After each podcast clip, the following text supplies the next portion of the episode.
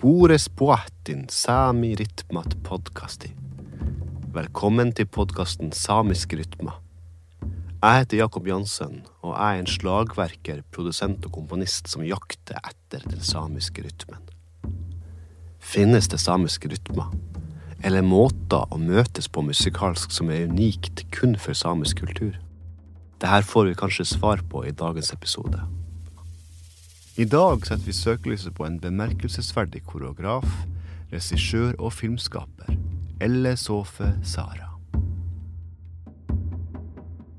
Gjennom sitt arbeid åpner Sara dører til de tilsynelatende trivielle, ofte oversette sider av samisk fysikalitet. De umerkelige ritene som har unnsluppet kolonialismens grep. Hun avdekker et rom der fortid og nåtid harmonerer i skjønn forening. Hennes koreografi er kjent for sin lekne tilnærming, men også for sin evne til å utforske tabubelagte temaer som traumer, overgrep og selvmord. Som en urfolkskunstner søker Elle Sofe å skape verker som ikke bare treffer hjertet av kunstverdenen, men også gir gjenklang i sitt eget samfunn. Internasjonalt har Sara samarbeidet med anerkjente kunstnere som Liu Chi, Vimme og Lana Hansen, i tillegg til å være medgrunnlegger av Daidadallo, et samisk urfolks samtidskunstkollektiv. Elle Sofe Sara har en mastergrad i koreografi fra Kunsthøgskolen i Oslo, og hun studerte dans ved Laban Trinity School i London. Hun har utmerka seg som festspillprofil ved Festspillene i Nord-Norge, og vant eh, Moon Jury Award ved Imaginative Filmfestival. Sara er også en av fire utvalgte kunstnere i Talent Norges program for fremadstormende filmskapere. I dag utforsker jeg Ellesofe Saras reise gjennom kunsten. Bli med mens jeg avdekker de mange lagene av hennes skaperkraft og det dyptgående samiske bidraget til den globale kunstscenen. Min fascinasjon for hennes kunstnerskap er en samisk koreografs perspektiv på rytme. Hva kan jeg som slagverker lære av samisk dans? Boris Boatin eller Sofe Sara? Hallo, Gito. Kan ikke du starte med å fortelle litt om eh, din kunstneriske vei som danser, koreograf og kunstner i sammenheng, eller i kontrast med din samiske bakgrunn? Eh, jeg starta jo eh, på en sånn der eh, samisk ungdomsteatergruppe i Gådegeino i tenårene. Eh, og liksom ble sånn hekta på det å jobbe på scenen og jobbe med teater, og vi jobba litt med joik og Ja, og samtidig begynte jeg også å lage litt kortfilm, da. Og regissere, da, eller skrive manus og sånne ting. Så det kom jo når jeg var ungdom i Gådgeino, da flytta jeg til Alta og gikk på dramalinja, skulle bli skuespiller og Men så var det en sånn der En hva man skal si En ung lærer, da, en danselærer som hadde flytta tilbake til Alta. Hun hadde gått på skole i London. Og så flytta hun dit, og hun var så inspirerende. Hun bare sa til meg 'Elle, du må danse'. Og jeg bare 'ja, det må jeg'. så jeg på en måte, ja, bare ble liksom hekta på dansen, da. Jeg ble liksom Det var, det var liksom både frihet men også struktur samtidig. Og jeg syns det var så deilig å bli sterk. Man blir jo sterk, og så blir man også fleksibel med dans. Så det var en sånn veldig fin følelse, da. Så jeg vet ikke hvordan man skal si hva hva som er i kontrast eller i samsvar med det samiske, men det som da skjedde, var jo at jeg på en måte ble veldig dedikert til dansen og nesten slutta med alt annet. fordi det krevde så mye, da. Jeg gikk på danselinja, gikk på kulturskolen. Ja, masse sånne forestillinger og lagde filmer og liksom Det ble bare det. Eh, og det ble jo det også i utdanningen, at jeg flytta til London for å gå Utdanne meg som dansekunstner, og senere til Oslo. Så på den måten så har jeg gått en sånn der vestlig utdanning, da. Men da var målet, eller tanken, å bli danser, ikke nødvendigvis koreograf? Jeg har nok alltid hatt en sånn veldig sterk egen stemme. Jeg har alltid liksom ville gjøre det sjøl, eller bestemme sjøl. Også på skolen og liksom sånn når Hvis vi er i en gruppe, så er det jeg som havner i lederrollen, da. så jeg har nok ikke tenkt sånn skikkelig. Jeg syns også det når jeg var 18-19 år og flytta til London, det var jo også litt sånn Jeg hadde jo bare dansa i to år, så jeg visste jo ikke helt ja, hva det her var, og sånn der hva, hva mine styrker var, da. Så det var nok bare sånn ja, ja. Jeg har kommet inn på skolen, OK, da, da flytter jeg til London. Ja. Så Men jeg, jeg tror nok egentlig, når jeg ser tilbake, at jeg har hatt en veldig sånn eh, Ja, sterk eh, stemme i meg som jeg alltid må få ut, og også når jeg har jobba med andre eller for andre, så har jeg liksom sånn der Å, ja, men det her ville jeg utforska, sånn ville jeg gjort det, eller sånn. Det eh, føler at den, det har vært min vei, eller sånn. Det har egentlig alltid vært der, uten at jeg bevisst tenkte at jeg skal bli det her. Ja. Så ønsket om å være kunstner og kunstutøver har på en måte vært naturlig for deg? Ja. ja, det er veldig Det er Jeg føler at når jeg da liksom fant teatret eller dansen og det, Da var det liksom det. Jeg ble veldig hekta på det, og liksom Jeg syns det er så mye å utforske der, og så så gikk jeg jo alle de her skolene og gikk Så da, når man har en bachelorgrad som dansekunstner, så ja, så må man jo prøve å satse og jobbe som det. Og det var det jeg gjorde. Og jeg tenker Eller jeg har siden start hatt den innstillingen at jeg gjør det nå så lenge det går, da. Altså, når vi var i London, så er det jo en kjempestor skole, stor konkurranse. Og det var en sånn type innstilling at når du er ferdig utdanna, så går det mange år før du begynner å kunne gjøre noe, og altså sånne ting, da. Mm. Så jeg hadde på en måte en sånn tanke at å, det går sikkert ikke med en gang, liksom. Men jeg var veldig sånn Jeg gjorde en sånn dansefilm på slutten av det bachelorgradsgraden, da, og den jobba jeg sammen med studenter, da, og han Kenare Bongo, som også var filmstudent i Norge. Og den ble jo ganske bra, eh, og ja, fikk priser og for på festivaler og sånn, så da fant jeg på en måte OK, ja, men det her med dans og det samiske, det det er noe spennende i det som vi ikke har sett før, og den her kroppsliggjøringen av samisk kultur er kanskje noe som vi har litt sånn presset ned, da. Så ja. Hva var spørsmålet? Nå er du inne på det, veldig spennende temaet, for at du i din, ditt virke som kunstner og koreograf og danser, så tar du i bruk din samiske bakgrunn og samisk kultur. Var det naturlig fra starten av, og hvordan kom det inn for deg? Prøver å tenke tilbake hva jeg gjorde, men ja, det det er liksom Det er liksom meg, og det er veldig naturlig. Jeg husker altså her Jeg tror jeg hele tida nesten har brukt samisk musikk eller joik som score når jeg har koreografert på skolene. Ja.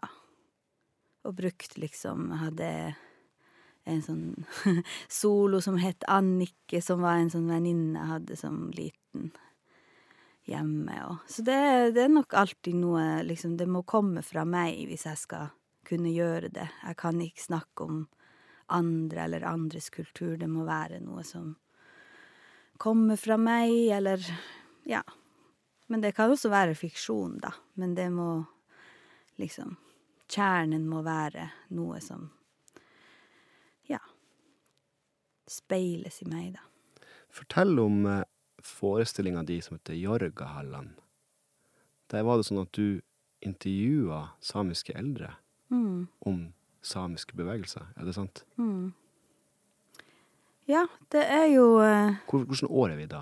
I, husker du det? Den hadde premiere i 2012. Ja. Så der eh, intervjua jeg eldre samer om dans. Og det her med å intervjue eldre har jeg egentlig begynt med allerede før. Jeg har alltid hatt et videokamera, så jeg intervjua mine naboer som hadde opplevd krigen, da, i Auji, den plassen hvor jeg bodde da og er fra. Ja, og i, i det intervjuet kom vi også inn på dans, da, eller sånn der Hvordan var det i deres ungdom? Og da sa han naboen min at ja, ja, eh, noe sånn Ja, men vi dansa jo ikke. Altså, i Goldgate så var det sånn at samer ikke kom ut Altså ikke kom seg inn på hotellet, på, eh, fordi det var bare de norske som kunne det. Så han sa jo det var jo bare de norske som dansa. Men vi svinga nå litt og joika og Ja. Så det er jo på en måte Ja. Det jeg ble litt sånn der Å, hva du mener? Hva du mener? Ja. Ikke. Ja. Men han definerte jo da dans som pardans og danse til musikk. For de hadde ikke musikk i de festene de hadde. Det var ikke noe stereoanlegg eller band eller noen som kunne spille instrumenter. Det var joik. Tilbake til Jorkahallen, så da valgte jeg å liksom gjøre en, slags, en slags eh, forskning eller research, hvor jeg intervjua flere samer om både den type dans eh, Egentlig hva, hva de kom på, da. Så det ble jo både på en måte en sånn festdans Vi hadde den joigangieta og vugge med handa. Vi hadde det å trekke i beltet. Eh, og også flere sånne ord, samiske ord, for ulike måter å gå på. Som er liksom definert som dans, da. Og så hadde vi også lihka hos oss, som er den læstadianske rørelsen. Og det ble jeg også veldig sånn fascinert over. Så jeg laga jo også de, de to kortfilmene eh, etter det, fordi jeg følte at det var mer, mer man kunne snakke om, da. Absolutt.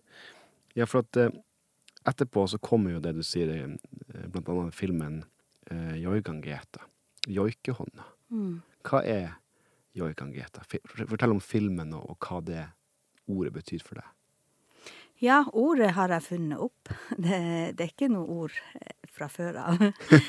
Så det, det lekte jeg bare med fordi man Det er sånn Eller når jeg tenker på folk som joiker, så kan de ha hånda i, i knyttneve og vugge med den, eller liksom eh, Husker en gang jeg så Lars Hante Gohmonen på Riddo Riddo, tror jeg det var. Og så han liksom Noen ganger så starta han med handa før joiken kom ut, eller så liksom holdt han handa etter han var slutta. Det var liksom sånn nesten som han holdt joiken i knyttneven, eller det var liksom noe sånn mer connection der enn enn bare å liksom musikalsk følge takta.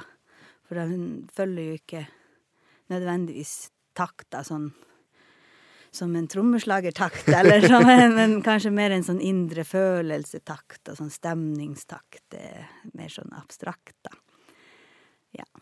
Så Ja, så den uh, tittelen er funnet opp, og det kommer jo fra såpangieta, at man er god å kaste lasso.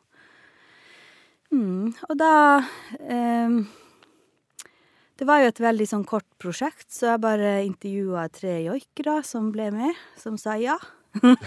og da ble det dem. Og så filma vi de når de bevegde seg, og, og hadde på en måte en slags sånn koreografisk blikk på det, da. Virkelig. Ja. En, en herlig film, altså. Den har også et morsomt aspekt, også et lekent aspekt, Ja. kanskje riktig ord. Ja.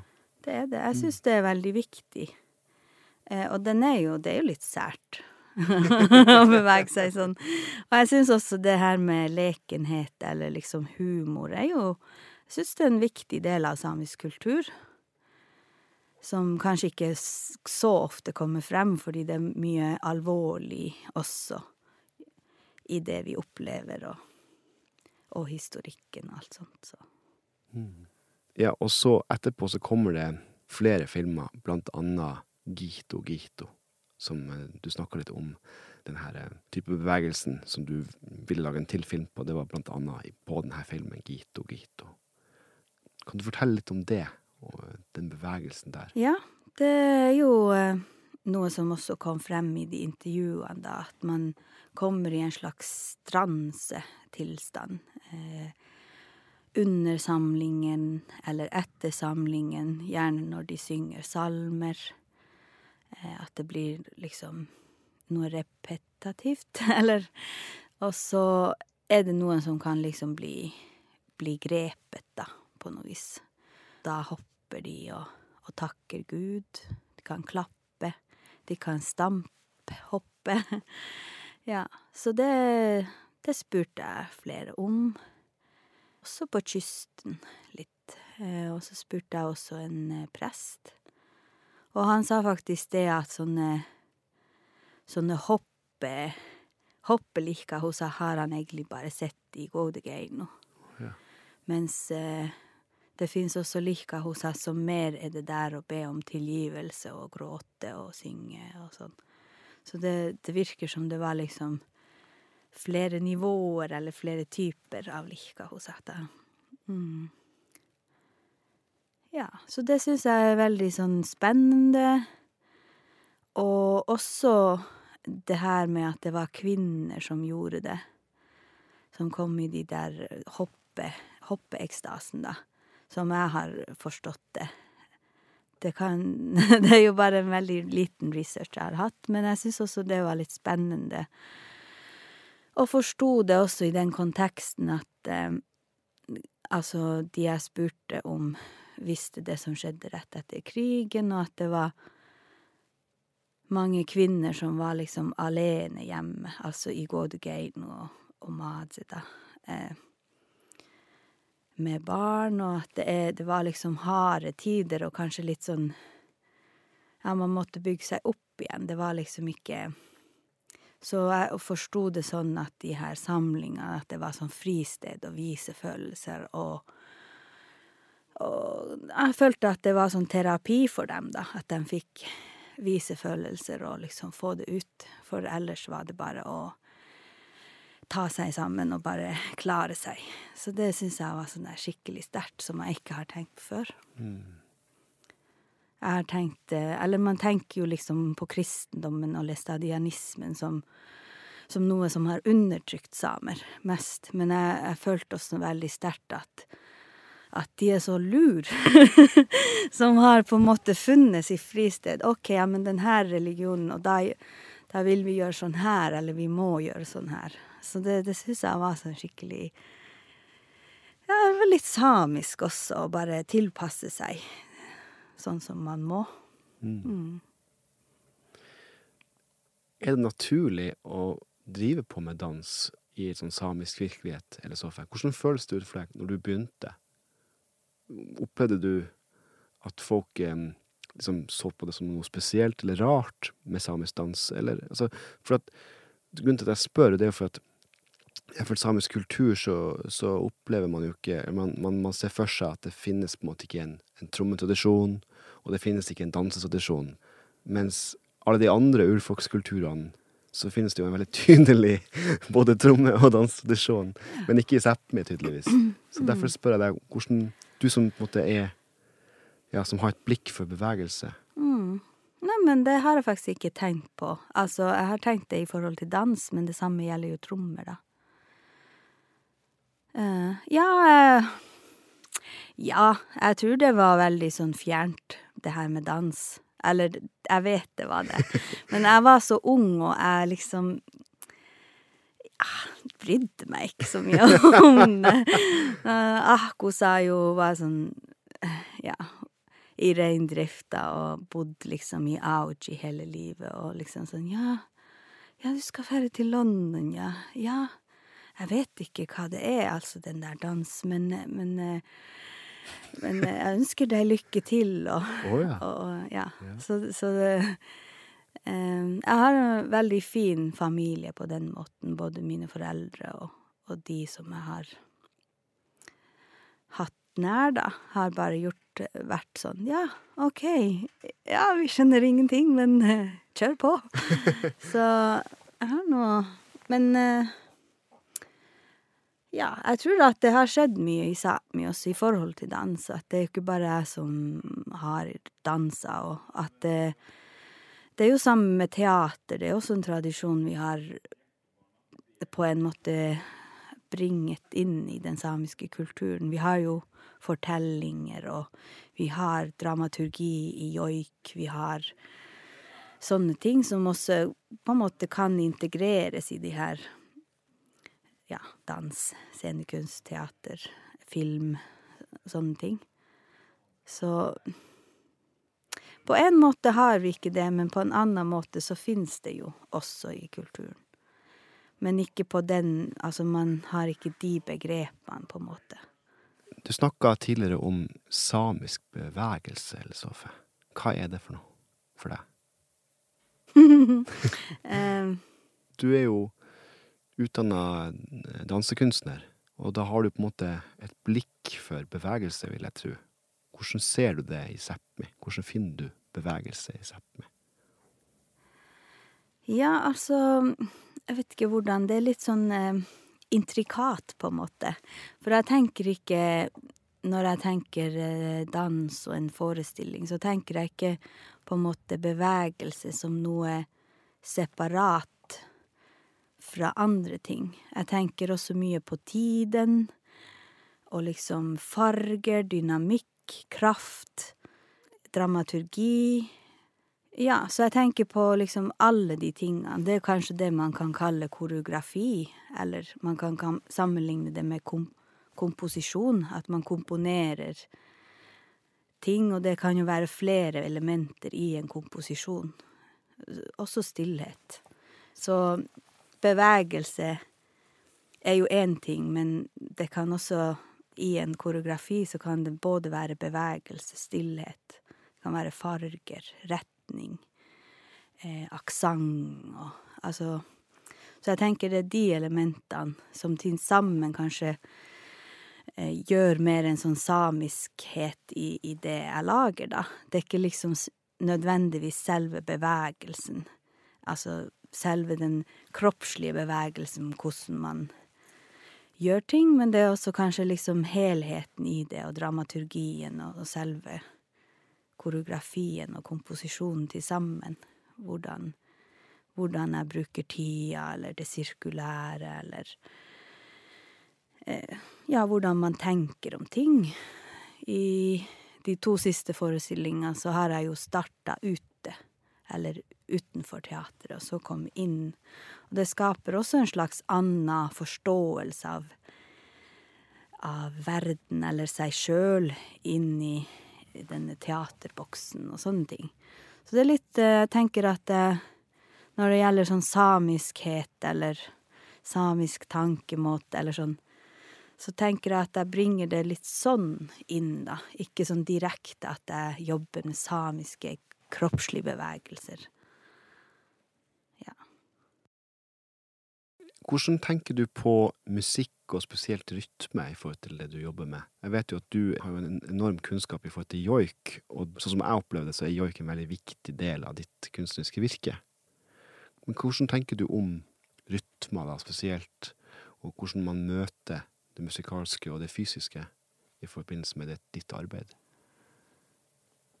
Ja, det er veldig sånn forskjellig, tenker jeg. Det er liksom ikke Jeg bruker ikke ett mal, sånn der at når jeg jobber med joik, så jobber jeg på den måten. Og så Så det er litt sånn der jeg må tenke på hvilke eksempler jeg kan bruke. Men er det noen ting du tenker at det gjør du i hvert fall ikke, for? At det er sånn der, noen ting du holder deg unna å gjøre, som du føler ikke er, er riktig i forbindelse med det du jobber med? Ja, eh, sånn rytmisk eller sånn generelt, bare. Ja, rytmisk gjerne. Nei, det er ingenting jeg ikke kan gjøre. Jeg føler at det er helt eh, Ja. Altså, jeg elsker å utforske og utfordre også joiken. Selv om jeg på en måte Joik er veldig nært mitt hjerte. Jeg har vokst opp med joik. Så samtidig, når jeg bringer joik i en scene, til en scene, så, så er det jo ikke en tradisjon. Da er det på en måte deler av en tradisjon. Det er det vokale, eller Så jeg syns det er veldig spennende å å utforske det også, og liksom kanskje ja, gjøre litt ukorrekt også.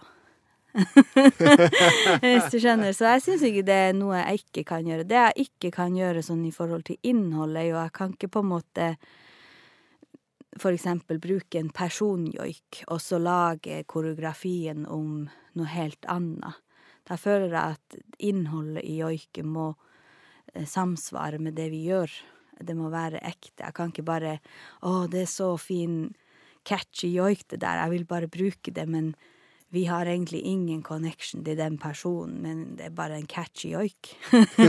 så det, det kan jeg ikke gjøre. Det syns jeg er Det blir feil for meg. Mm. Men i forhold til rytme og sånn, så syns jeg det er spennende å egentlig leke litt med det og overraske. Ja. Ja. Joiken står for eksempel sentralt i Vassados Vassadås Ena. Kan du fortelle litt om hvordan den prosessen ble til i forbindelse med der det musikalske møter det fysiske i den Ja. forestillinga der? Nå må jeg på en måte prøve å huske hvordan det starta, men det var det her med flerstemt joik var liksom noe av det første som som var i ideen. Men det var også det her med fellesskap og samhold. Så jeg tenker det med flerstemt, at det ikke liksom bare er én, men det er liksom flere, da. Var vel det det det begynte med. Det er liksom noe sånn veldig spesielt med det å synge sammen eller å joike sammen. Man kan jo bare tenke seg sånne mm, Hvis man synger en sang, eller en salme, da. Det er en slags sånn samhold i det også, som jeg syns er veldig eh, fint. Og det er veldig fint eh, også nå når vi jobber med Vasta så er når vi har sånne oppvarminger og vi joiker sammen, og det er veldig fint. Og det er ikke så ofte man gjør det lenger, man gjør det kanskje mer én og én. Så det var vel der det starta, da. Og jeg tror Frode Fjellheim var Eller han var den første jeg spurte om å bli med, og han sa ja. Og det var vel der det starta, og vi diskuterte på hvordan vi skal gjøre det. Ja, hva slags stemme vi må ha, og gjorde egentlig ganske Eller det var liksom mange veier vi kunne ta, men så ble det kvinner, da, til slutt. Bare kvinner. Eh, og at eh, joikerne, sangerne, eh, også beveger seg eller danser, og at danserne kan joike, da. Ja, at det blir en slags enhet, at det ikke blir så separert. Ja, så Så det var sånn det starta, og da lette vi etter joiker. Jeg hadde masse forslag. ja, men eh, det var den her eh, også tittelen var Osean, at det her med land eller plasser var liksom kanskje ledertråden for, for de joikene som ble valgt og laga. Ja. Land og natur. Og den forestillinga har jo gått, og fortsatt går sin seiersgang, og har jo virkelig fått et eget liv. Har du noen tanker om hva den forestillinga gjør med mennesker, at den har så stor suksess som den fortsatt har? Hmm. Ja, det er mm, Jeg tror det er sikkert den her Eller det er nok flere ting. Eh, men én ting er jo den her kombinasjonen av joik og dans, eller flerstemt joik og dans, som man kanskje ikke har sett før, og at på en måte så fysisk gjør vi joikene også, og jobber med de her elementene, som jeg sa, i hele koreografien, det her med tida, ja, dynamikker, farger, retninger, at det er liksom Og så er det én ting som er veldig sånn Kanskje litt spesifikk for den forestillinga, er jo at Altså, de joikene er jo samiske, men det er også en slags Det er også en slags universell stemme i forestillinga, at vi på en måte på en måte bærer alle sine stemmer, eller det er sånn menneskelig Det handler om menneskelige relasjoner til hverandre og til landet, så det er ikke nødvendigvis noe vi eier, men det er noe vi alle eier, eller vi har publikummet liksom med. Så jeg tror det er noe sånn at man man kjenner seg igjen i det som menneske, ja, at det ikke nødvendigvis bare er samisk eller sånn, men det er jo universelt, og det er jo joik er jo sånn, det er jo liksom Ja, det har en sånn enorm kraft, det kommer liksom fra det indre, og liksom Kroppen stemmer, liksom. Ja. Du sa at um, dere var på jakt etter joikere som kunne danse. Fortell litt om denne her sammenhengen mellom bevegelse og, og stemme. Har du noen tanker om hvorfor det måtte At de skal enes, på en måte, i forhold til det, det å separere det? Ja. Det var kanskje et vanskelig spørsmål, altså, men jeg vet ikke om det ga noe mening, det spørsmålet mitt. Ja. Altså Jeg tror det så hele ideen er jo sånn type togetherness, eller fellesskap. Så da var det veldig naturlig at det er liksom én gruppe, at vi ikke separerer at eh, joikerne skal stå der, eller eh, Sånn som man ofte gjør, da. Også når det er sånn konserter med innslag av dans, så er jo liksom musikerne må jo sitte på sin plass, og så får danserne danse. Men her ville jeg at alle skulle bruke sin stemme, at det Ja, at det forenes, da. Så Ja, det er det er jo også veldig utfordrende, så vi har måttet utforske veldig mye. Hva er mulig, og hva er ikke mulig, og det å bevege seg er jo krevende, og det å joike er krevende, så man så man, man må gjøre ting som ikke gjør at at man ikke klarer å joike, da, og motsatt, da. Så ja, så det har vært en prosess, absolutt. Du var jo litt innpå det, men kan ikke du fortelle hvordan du forstår joik, og hvordan rolle det har i ditt virke? For meg så er joik Det er liksom eh, den ordentlige musikken for meg. Å ja. Ja, det I den siste forestillinga så brukte jeg jo ikke joik i Birgit med carte blanche, og det var litt sånn der åh Det var litt sånn der kneik, altså. Men jeg følte ikke at det var riktig i den sammenhengen, da. Der hadde du med Andarit Strimpi, samisk eh, Mm. komponist og, og sanger og Ja. Eh, og carte blanche eh, dansere som utøvere, da. Mm. Men eh, ja, for meg så er joik liksom noe veldig nært, og noe som jeg liksom verdsetter veldig, og jeg jeg tenker joik er liksom Det er veldig tilknytta sted, liksom. Sted og det, det områder man er på, og språk. Så ja, det var jo også noe som man må liksom ta stilling til da, når man skal ta I hvert fall tradisjonell joik, da, på, i en helt annen setting. Sette det i en annen setting. Men eh, Ja, jeg forstår joik liksom sånn der når vi har jobba med det i forhold til bevegelse, så er det jo mye sånn Joiken er liksom sånn der eh, det, det omfavner liksom en slags eh, natur, om det er den personen sin natur, eller Ja, eh, liksom med formen eller kraften og Ja, og melodien, da. Så det er sånn jeg forstår joik.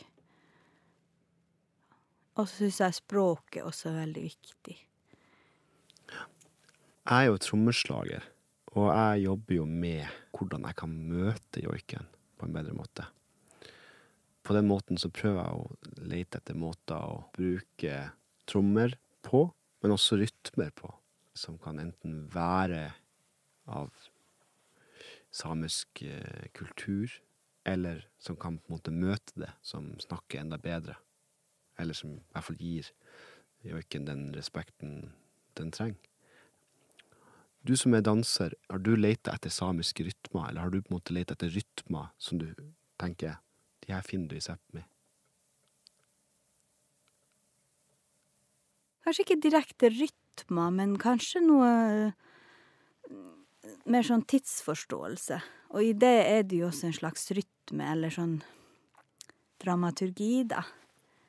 Eh, ikke alt er sakte hele tida, på en måte. Eh,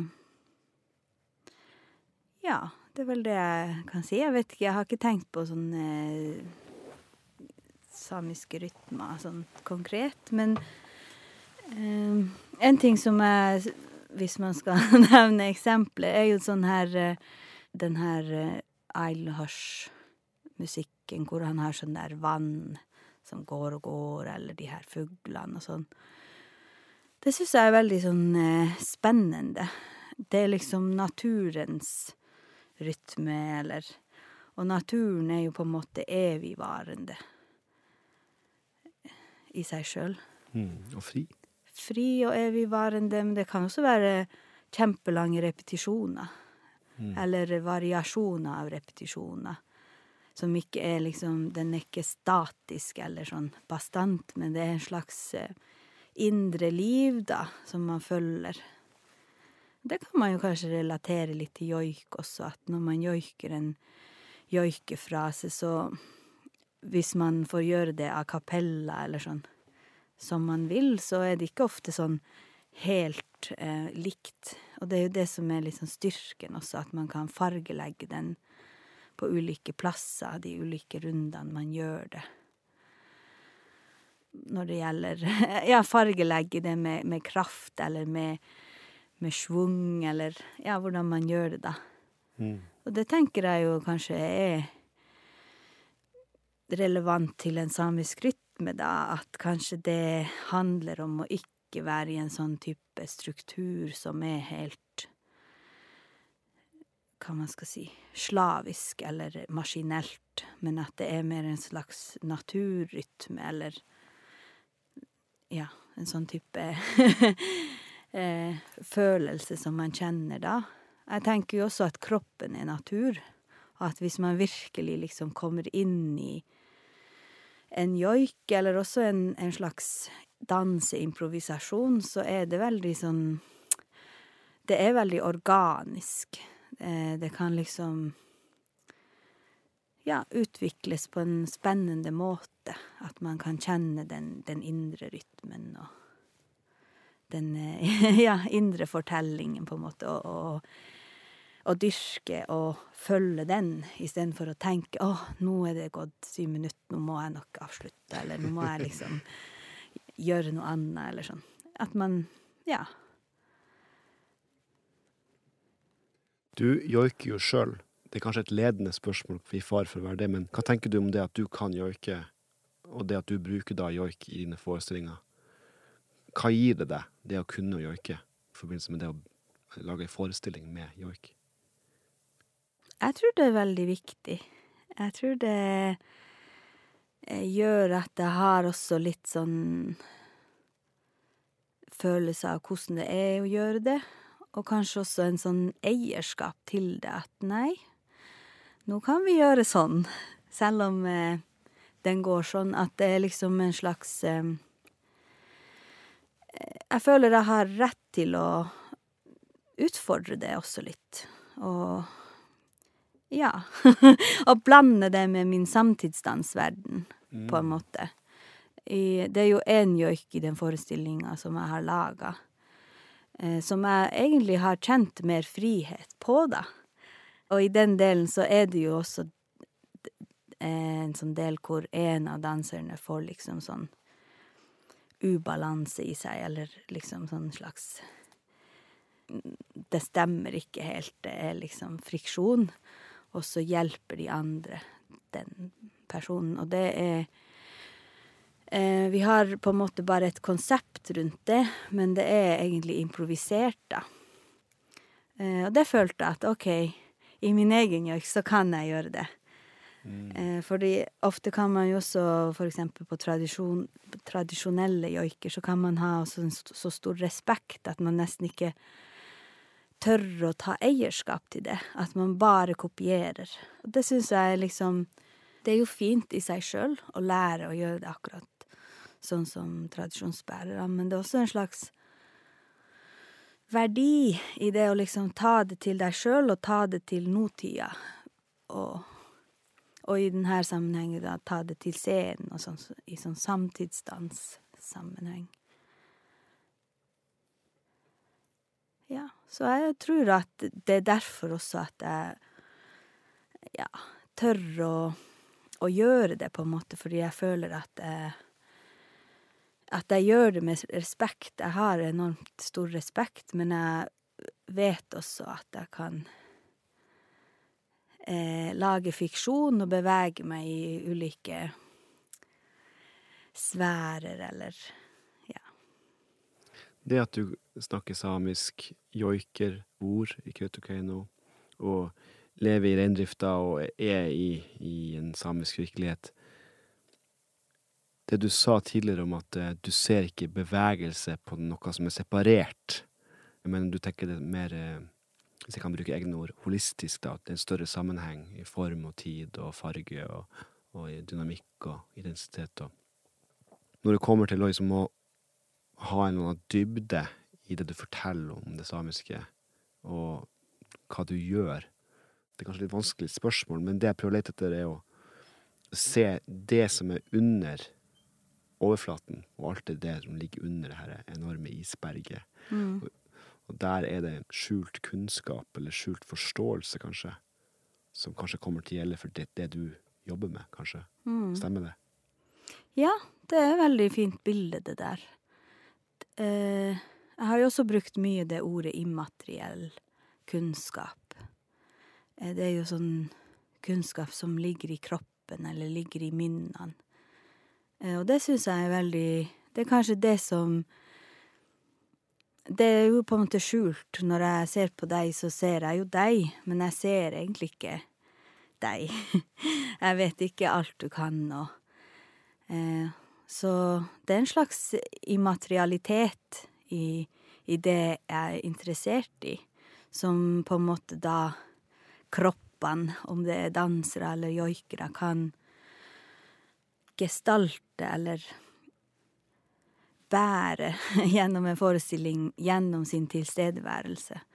Så de utøverne jeg jobber med, vi jobber veldig mye med det her med tilstedeværelse. Hva slags tilstedeværelse? Hva er det du kommuniserer i det her punktet, i det her punktet? Når kommer det et vendepunkt? Eh, så det er liksom ikke bare hva de gjør, og hva de joiker, men hvordan de gjør det. Eh, som er på en måte kanskje cuet i hele mine verk, da. Eh, det handler veldig om hvordan de gjør det, eller tilstedeværelsen. Og det er jo noe som gode utøvere kan gjøre. De kan bare stå helt stille, og så kan man forstå oi, det er sorg. Eller at man kan forstå ja, hva som helst, da. Hva er det de, hva er det dem kommuniserer uten at de sier det med ord?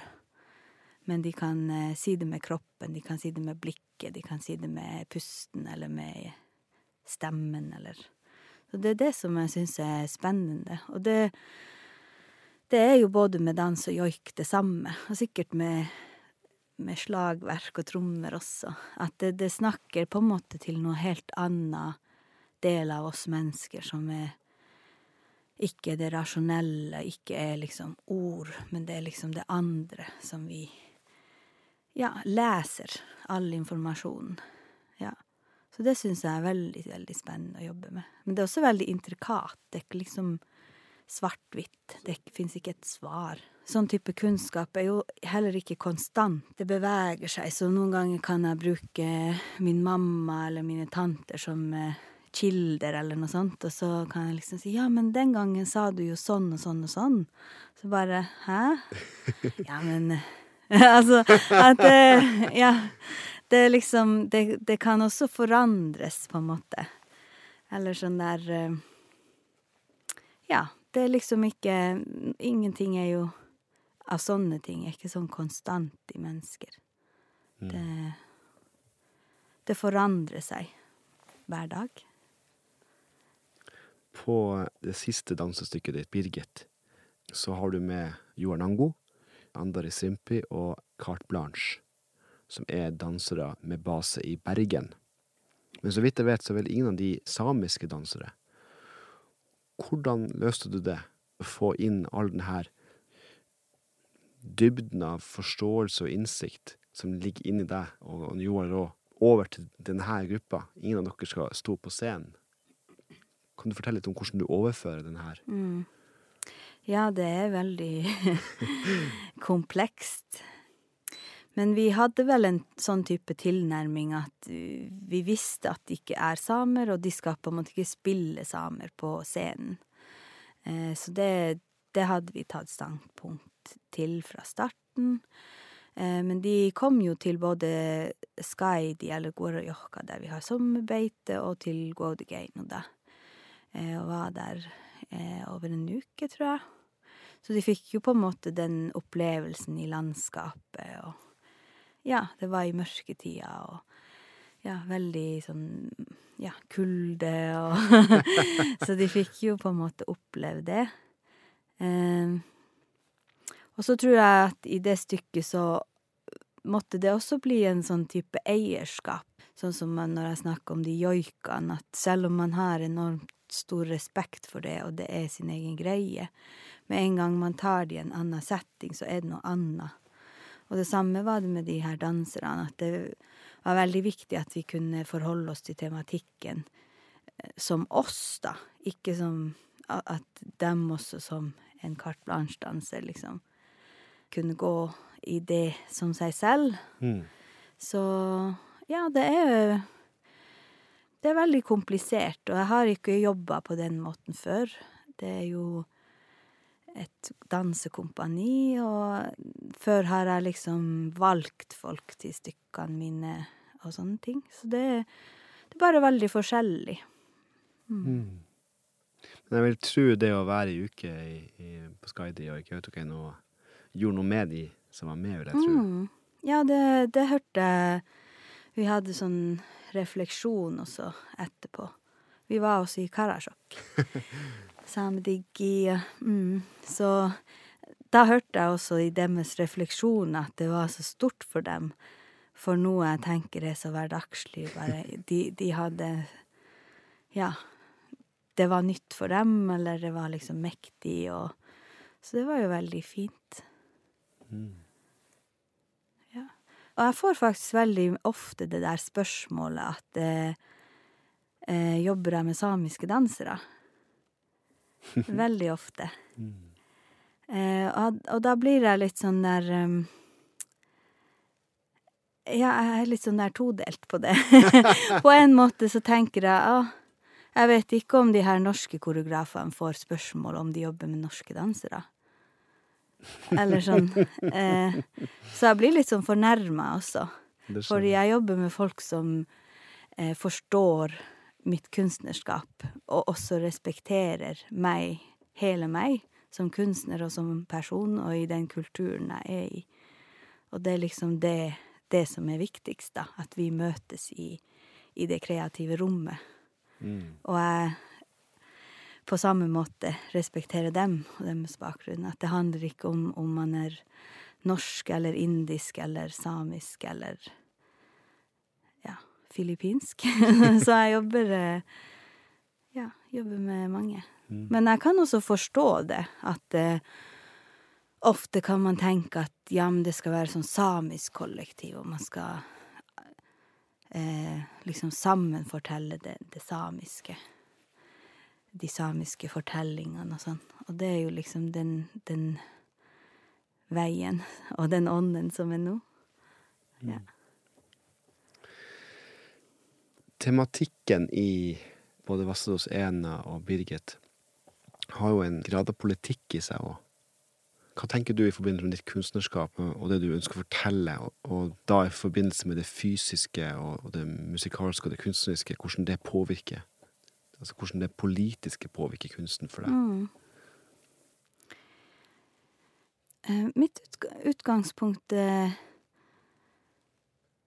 er nok mer sånn der eh, Det samiske. Hva er det samiske perspektivet? Eller hva er det samiske grunnfundamentet her? Det er nok alltid liksom mitt Hvor jeg starter ifra. Og så inni der kommer det jo OK, det er en kolonialiseringshistorie også. Men jeg, jeg bruker ikke å ville starte med det der, altså fra den andre sida. Altså kolonil...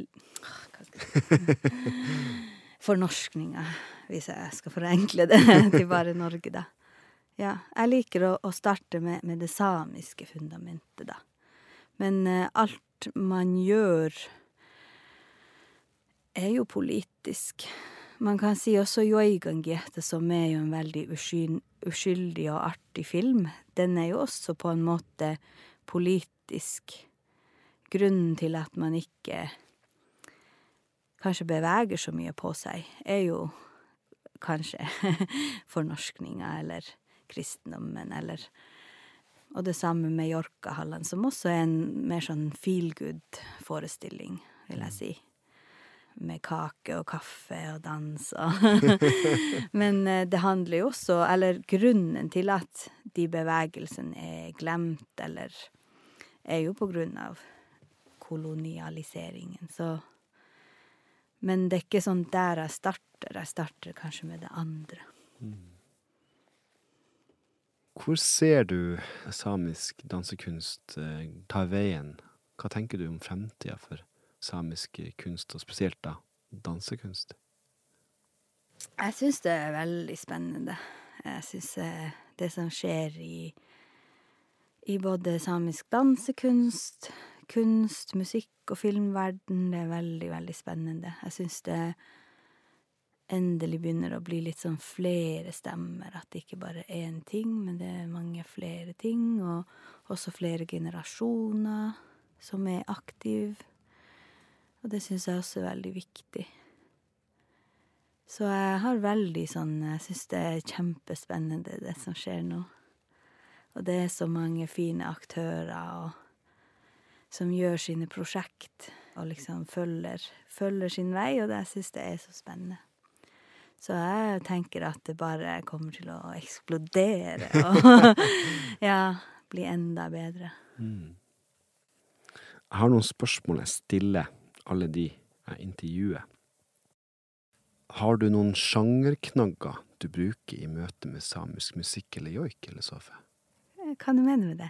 Hvordan sjangerknagger? Da mener jeg om du har noen eh, måter å forklare hva joik er på.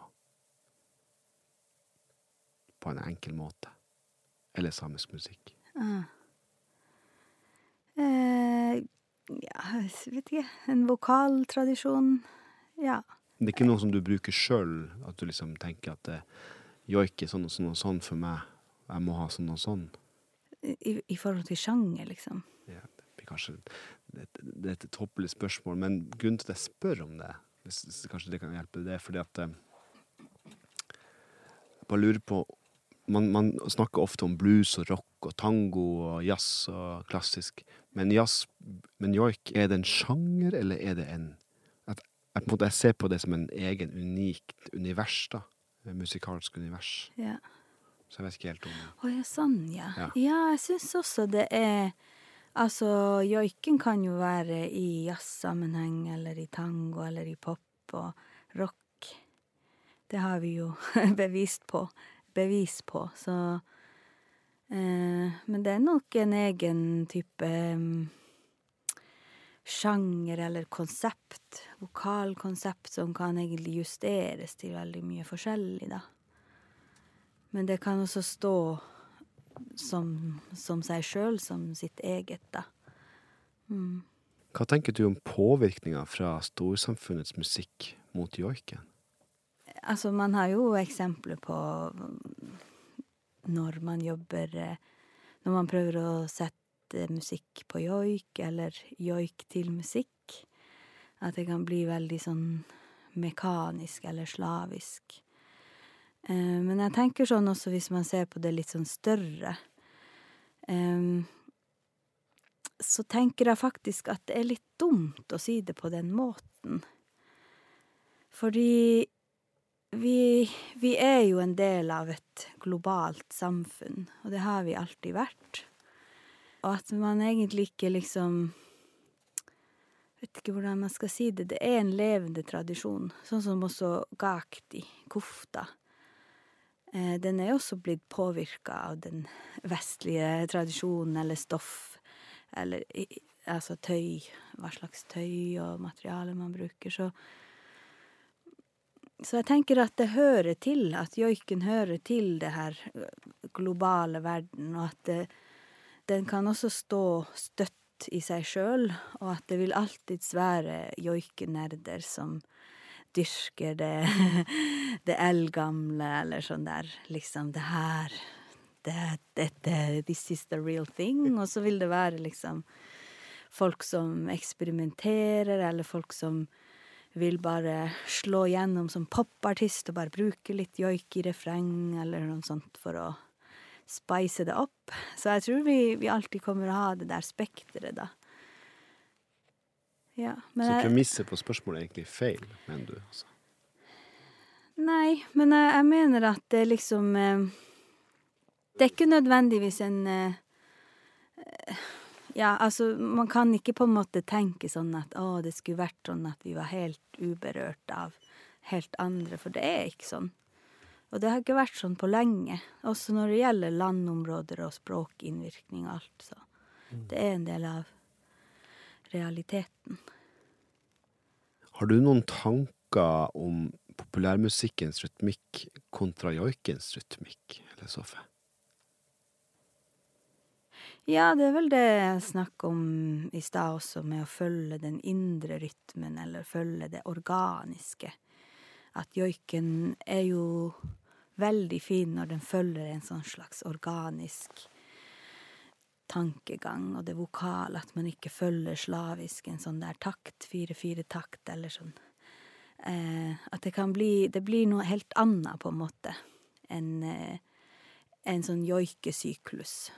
Eh, som en Ja, at eh, sånne joikesykluser er jo liksom kanskje fundamentet for joik, men så kan man jo også bare bruke en liten hei og loila, hei loila, eh, en sånn repetisjon av det. Men eh, så jeg tenker at eh, Jeg syns ikke det er galt. Jeg syns noen kan gjøre det veldig artig, at det kan være veldig artig å høre det i en popsang, og så funker det fint. Men men det er jo mye som jeg syns er Det blir liksom for slavisk, og det blir Da mister man litt den essensen i joik.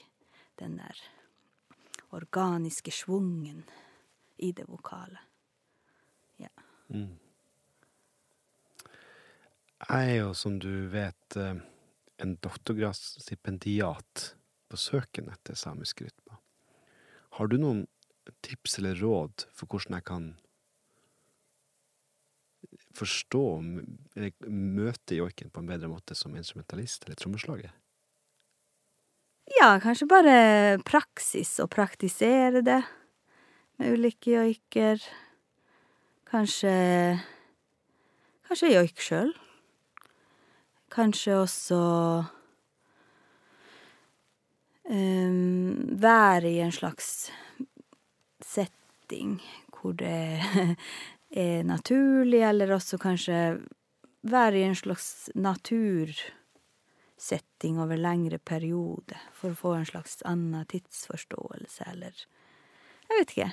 Kanskje noe sånt. At det må liksom Jeg tror sånne ting må man liksom praktisere, eller du må få det i kroppen. Du må få en kroppslig erfaring for å for å vite hva de skal gjøre for å bli bedre. Jeg vet ikke. Du må kjenne på kroppen, den kroppslige Ja, du må liksom gjøre sånne eksperimenter hvor du får de kroppslige erfaringene av, av det du finner ut av, hva er essensen i det rytmiske og det her.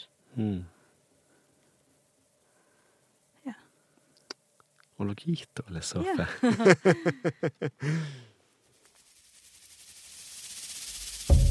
Tusen takk for at du har lytta på. Musikken som har blitt nevnt i denne episoden, ligger i en spilleliste, og linken til den finner du på Instagram-kontoen samirytmat, samiske rytmer. Hvis du har innspill til podkasten eller ønsker å komme i kontakt med meg, så kan du nå meg via Instagram på samirytmat, samisk rytmer, eller via e-post til jakobjansson at gmail.com.